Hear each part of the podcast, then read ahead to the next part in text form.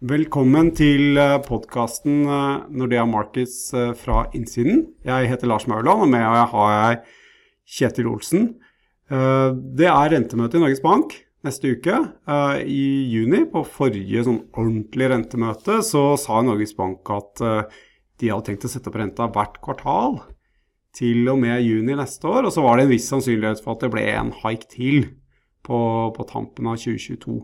Hva tror du de kommer den gangen her, Kjetil? Blir det liksom samme historien, eller? Det blir ganske samme, men enda litt mer offensivt, tror vi, da. Eh, så nå kommer de til å Implikasjonen av den nye rentebanen blir minst fem renteøkninger før 2022 er over, tror vi. Så en liten oppjustering av de utsiktene de hadde i, i juni. Hva er grunnen til det? Hvorfor er de mer optimistiske nå? Hovedgrunnen er utviklingen i norsk økonomi. Eh, arbeidsledigheten faller nok en gang mer og raskere enn det Norges Bank la til grunn. Eh, vi nærmer oss eh, med stormskritt på en måte de nivåene vi hadde på arbeidsledighet før krisen. Eh, og så fikk vi også en veldig sterk, sånn som jeg tolker det i hvert fall, regionalt nettverksrapport. Det er jo da den rapporten Norges Bank har i forkant av vært sånne ordentlige rentemøter, hvor de er ute og intervjuer næringsliv og virksomheter rundt baut i Norges land.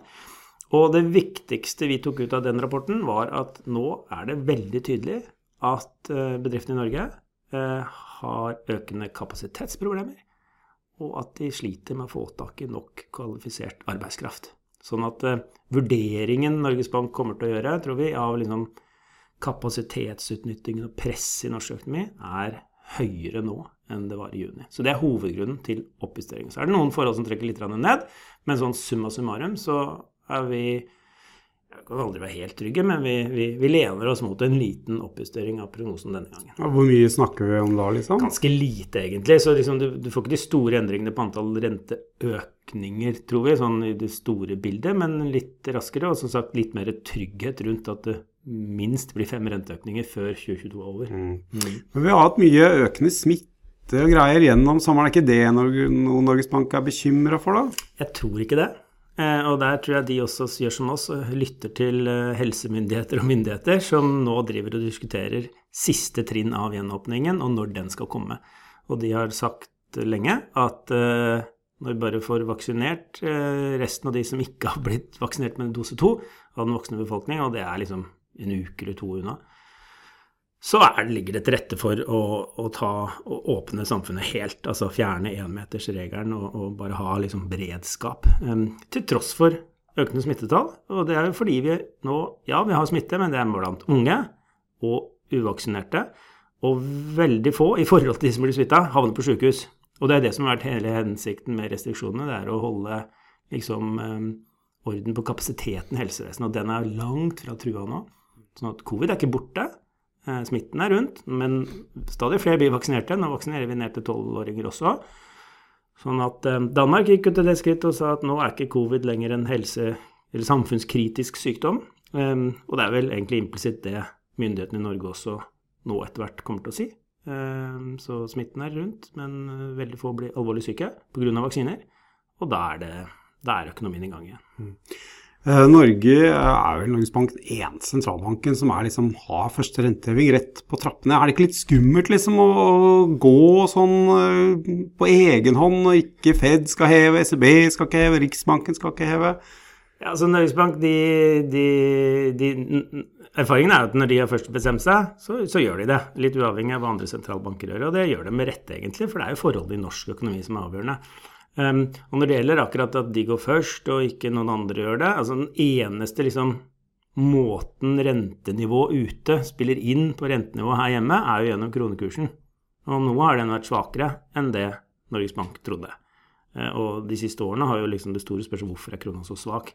Sånn at um, jo, det er klart, kronekursen kan styrke seg uh, noe, men, men jeg, jeg, vi tror ikke det. Uh, vi tror det skal mye mer til internasjonale investorer krever en mye høyere premie for ja, å investere i norske Vi har jo en krone som har vært litt risky de siste par åra. Ja, det skal, de har de erfart òg. Det skal ikke mye wobbling til i, i aksjemarkedet før krona spretter svakere. Sånn at eh, Nei, jeg tror det skal ganske mye mer til, og mange flere renteøkninger til enn det Norges Bank har varsla, for at kronekursen skal bli ordentlig sterk. Mm. Er det noen andre ting som kan sparke beina under denne rentehevingssykkelen, som du ser det? Det er jo en del forhold vi når vi snakker med både kunder og, og, og vanlige folk, da, eh, på liksom Nei, vi tror ikke noe helt på at Ja, kanskje du kommer med renteøkning nå i desember, men så tviler jeg litt på hvor mange de får til. fordi boligmarkedet kommer til å knekke, eller husholdningene tåler det ikke, eller kronekursen blir for sterk, eller Men vi, vi, når vi går gjennom alle de motargumentene, da, så for sånn som vi vurderer det, så ser vi liksom sannsynligheten for det ganske liten. Det er sannsynligheten for at boligmarkedet skal knekke pga. gradvise renteøkninger, fire-fem i løpet av det neste året, halvannet, ser vi som veldig liten. Eh, inntektene har økt gjennom pandemien. Eh, lønnsveksten har vært positiv. og, og selv om vi kommer tilbake til samme rentenivå som vi hadde før krisen, så, så er kjøpekraften i boligmarkedet er høyere enn den var før krisen. Så noe stor dipp i boligmarkedet tror vi ikke på. Utflating, ja, kanskje litt nedgang, men ikke noe dramatikk. Og husholdningene, de har som gruppe spart enormt mye penger gjennom pandemien og sitter mye bedre i det enn noen gang. Så er det, er det en gang i en moderne tid liksom husholdningene tåler litt høyere rente, så er det nå. Um, og kronekursen har vi snakka litt om. Um, nye restriksjoner også er det mange som nevner. Det har jeg veldig liten tro på. Det er heller andre veien det går. Det måtte jo være at det kom en ny mutant inn som var resistent mot, uh, mot, nei, mot vaksine og sånn, men det kan jo skje. Mm.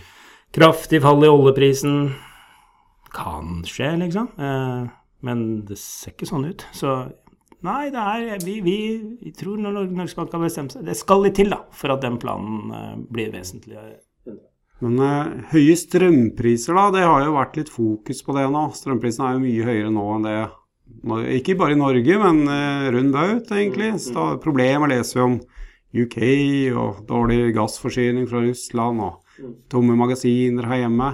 Vil ikke det dra inn mye kjøpekraft fra folk flest, da, som eh, jo, det er to eller tre ting. da. For, for første så får vi nå se da hvor høye strømprisene blir gjennom vinteren. Men det ser jo ut som den blir en god del høyere, i hvert fall enn det det var i fjor.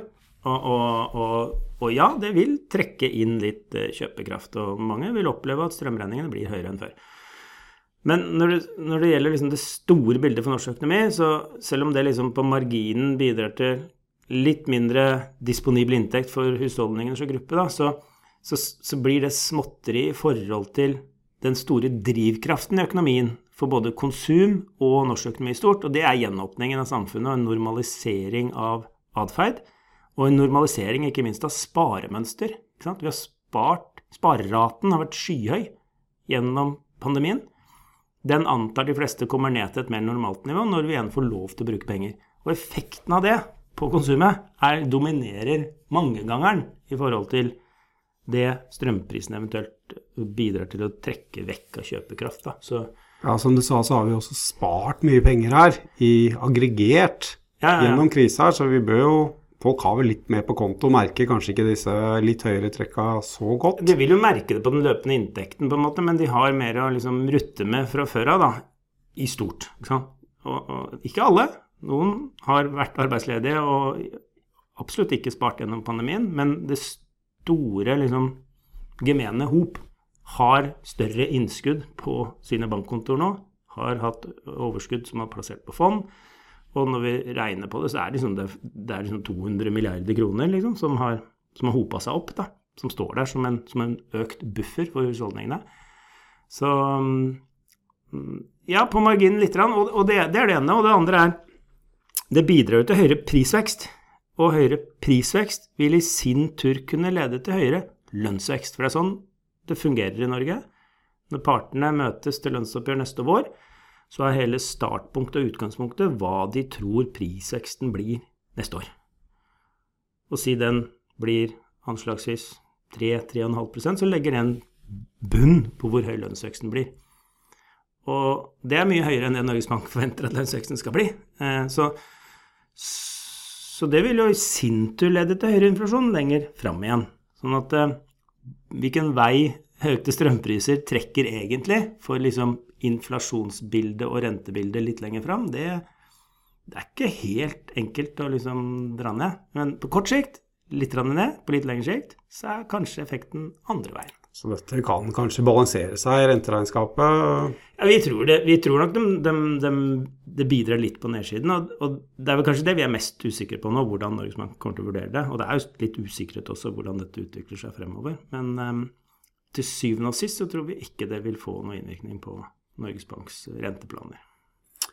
Det høres jo spennende ut. Da får vi se hva fasiten blir eh, neste uke, når Norges Bank kommer med kommer med ny, ny renteprognose. Vi har vel også en, en renteprognose som eh, mot slutten av 2023-2024 peker en god del høyere enn det, det, Norges Bank har. Og hvor er det vi egentlig er uenige med Norges Bank? Vi mener jo også at ting går litt bedre og kommer til å gå bedre. Ja, det, er, nå, det vi snakker om nå, er hva vi gjetter på Norges Bank kommer til å presentere neste uke. Eh, og så har vi en annen prognose som er på hva vi tror de kommer til å levere til syvende og sist, og den er enda litt høyere som du sa. Og, og to viktigste grunner er at vi tror de Norges Bank undervurderer inflasjonsutsiktene.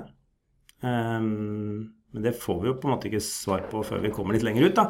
Og det andre er at vi tror internasjonale renter vil løfte seg utover høsten og inn i neste år. Altså eh, Forventningene til rentene internasjonalt, og kanskje særlig i USA, kommer til å stige, tror vi. Og nå er det også et annet interessant rentemøte neste uke. Det er den amerikanske sentralbank.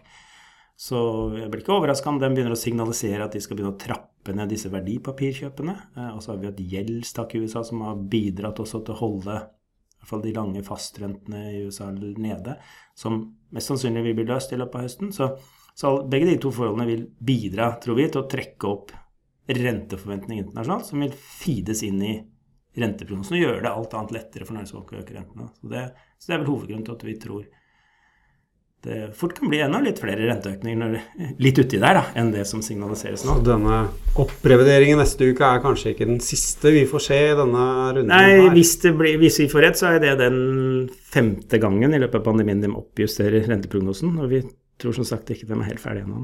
Ja, da får vi, vi får se. Teamet will show. Mm -hmm. Da tror jeg vi sier takk for oss i dag. Takk for at du hørte på. Eh, du har hørt på podkasten Nordea Markets fra innsiden med Kjetil Olsen og Lars Mørland. Takk for oss. Thank you.